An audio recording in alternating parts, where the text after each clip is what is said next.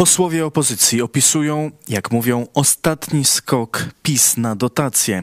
Prezydent Andrzej Duda podsumował rozmowy z partiami i ogłasza, kiedy zbierze się Sejm, a komendanci mają uciekać z policji. O tym wszystkim opowiemy dziś, ale pierwszeństwo wypada oddać panu prezydentowi. Prezydent Andrzej Duda dziś w południe podsumował rozmowy z przedstawicielami komitetów wyborczych. Otóż według pana prezydenta jest dwóch poważnych kandydatów na premiera i zarówno tzw. Tak Zjednoczona Prawica, jak i partie opozycji miały przekazać, że liczą na sformowanie większości i utworzenie rządu. Mamy dzisiaj dwóch poważnych y, kandydatów do stanowiska premiera. Mamy dwie grupy polityczne, które twierdzą, że mają większość parlamentarną i które mają swojego kandydata na premiera. Jedną grupą jest y, Zjednoczona Prawica, drugą y, grupą jest Koalicja Obywatelska, Trzecia Droga oraz Lewica. Zjednoczona Prawica poinformowała mnie i innych uczestników spotkania, że kandydatem na na premiera z ich strony jako ugrupowania, które wygrało, miało najlepszy wynik w wyborach. E, będzie pan premier Mateusz Morawiecki. Poinformowali mnie także na wprost zadane pytanie, że zakładają, że będą posiadali większość na sali sejmowej, która umożliwi e, poparcie mm, tego kandydata. Podobny komunikat usłyszałem po kolei od Koalicji Obywatelskiej następnie trzeciej drogi, że mają swojego kandydata i tym kandydatem jest y, pan przewodniczący Donald Tusk. Następnie spotkanie z przedstawicielami lewicy, ich kandydatem na premiera, kandydatem także i lewicy, podkreślam, jest y, pan przewodniczący Donald Tusk. Prezydent nie ogłosił jednak, kogo on desygnuje na premiera. Jest to sytuacja nowa. Nigdy nie było takiej sytuacji, że wygrało wybory jedno ugrupowanie, natomiast y, pozostałe czy inne ugrupowania, które również mają swoich przedstawicieli w parlamencie, twierdzą, że to one będą miały większość y, bez ugrupowania zwycięskiego i one przedstawią swojego kandydata na premiera. No jak Państwo rozumiecie, muszę to rozważyć. Przypominamy, że prezydent musi podjąć tę decyzję maksymalnie 14 dni od pierwszego posiedzenia nowego Sejmu, a pierwsze posiedzenie Sejmu ma zwołać w ciągu 30 dni od dnia wyborów. I tu już prezydent zapowiedział, na razie wstępnie, że zwoła nowy Sejm na 13 listopada. Terminem, który wstępnie zaplanowałem jako termin pierwszego posiedzenia Sejmu, będzie poniedziałek 13 listopada, czyli dokładnie dzień przypadający następnego dnia po niedzieli 12 listopada, kiedy to kadencja się kończy. Rozmyślania prezydenta Andrzeja Dudy skomentował dziś Wiś pod prąd na żywo pastor Paweł Chojecki. Nie, no on czeka na e, konkretne oferty, nie? To, to bym e, tak, e, to zachowanie bym ocenił jako takie wystawienie siebie na licytację, nie? No, że ma ten głos, wie, że to jest jego tak zwane 5 minut, no i wystawił się na licytację. Kto da więcej? No, bo... no raczej skłaniam się, że pokieruje się tak zwaną troską o swój przyszły byt, karierę i tak dalej.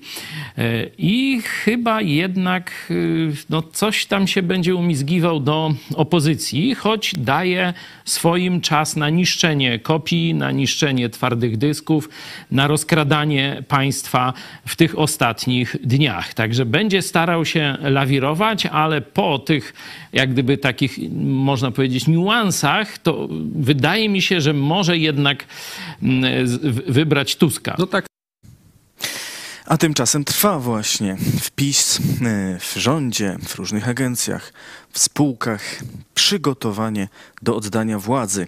Przyglądają się temu uważnie politycy opozycji. Dziś posłowie KO Dariusz Joński i Michał Szczerba poinformowali o ciekawych sprawach związanych z dotacjami z Polskiej Agencji Rozwoju Przedsiębiorczości. Chodzi konkretnie o pieniądze rozdane w ramach programu Szybka Ścieżka Smart, który jest finansowany z funduszy unijnych. Pula środków to blisko 2 miliardy złotych. Lista pozytywnie ocenionych projektów została zatwierdzona 13 października, dwa dni przed wyborami. Opublikowano ją 19 października. Posłowie KO opisują kilka interesujących przypadków dotacji dla ludzi powiązanych z PiS.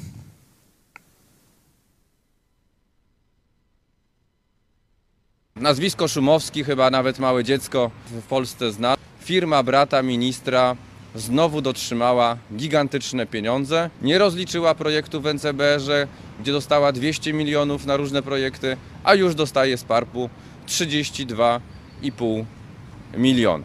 Drugi projekt oczywiście to projekt e, firmy, której, którego właściciela Wspólnikiem przez lata był e, Daniel Obajtek, e, firma TT, Pla- TT Plast. Otrzymuje kolejne gigantyczne miliony. No i firma oczywiście Matic, to jest firma, która była pośrednikiem na zakup e, oprzyrządowania Pegasusa do podsłuchiwania m.in. Krzysztofa Brejzy.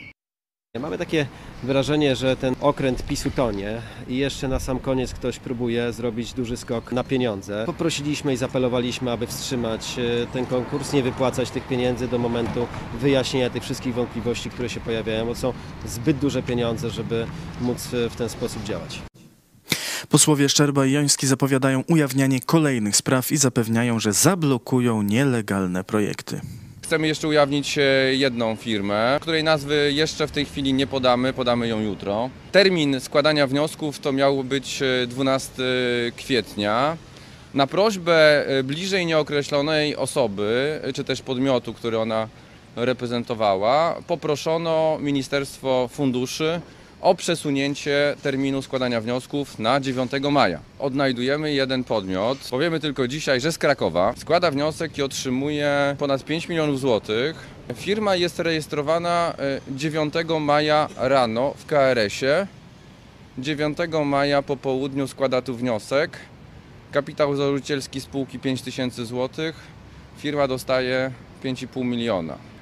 Te wszystkie fejkowe, te wszystkie pisowskie firmy, te firmy zakładane w KRS-ie e, za 5,12 po to, żeby wyprowadzić pieniądze europejskie, te wszystkie projekty zablokujemy. Tak jak zablokowaliśmy projekty w NCBR-ze,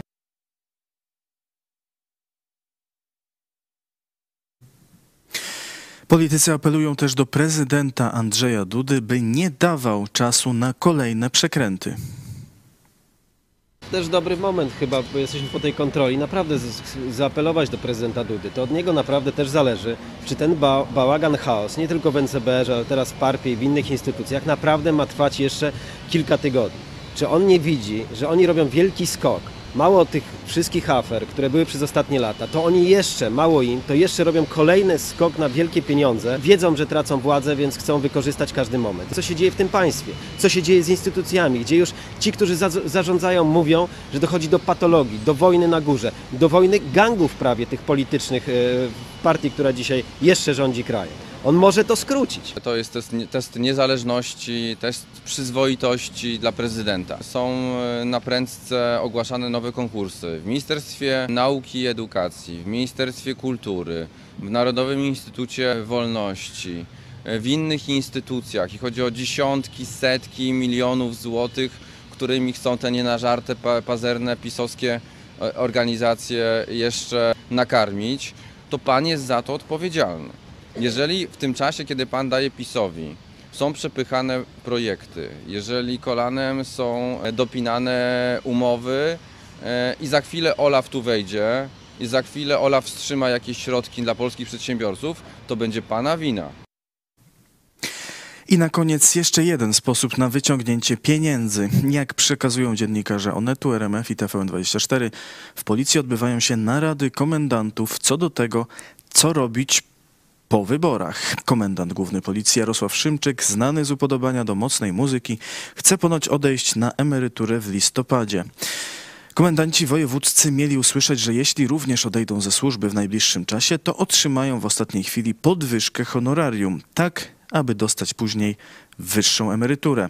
Komendanci wojewódzcy z kolei mogą podobne decyzje podjąć wobec podległych im komendantów miejskich czy powiatowych. Z nieoficjalnych informacji wiadomo, że większość, bo ponad 10 komendantów wojewódzkich zadeklarowała odejście ze służby.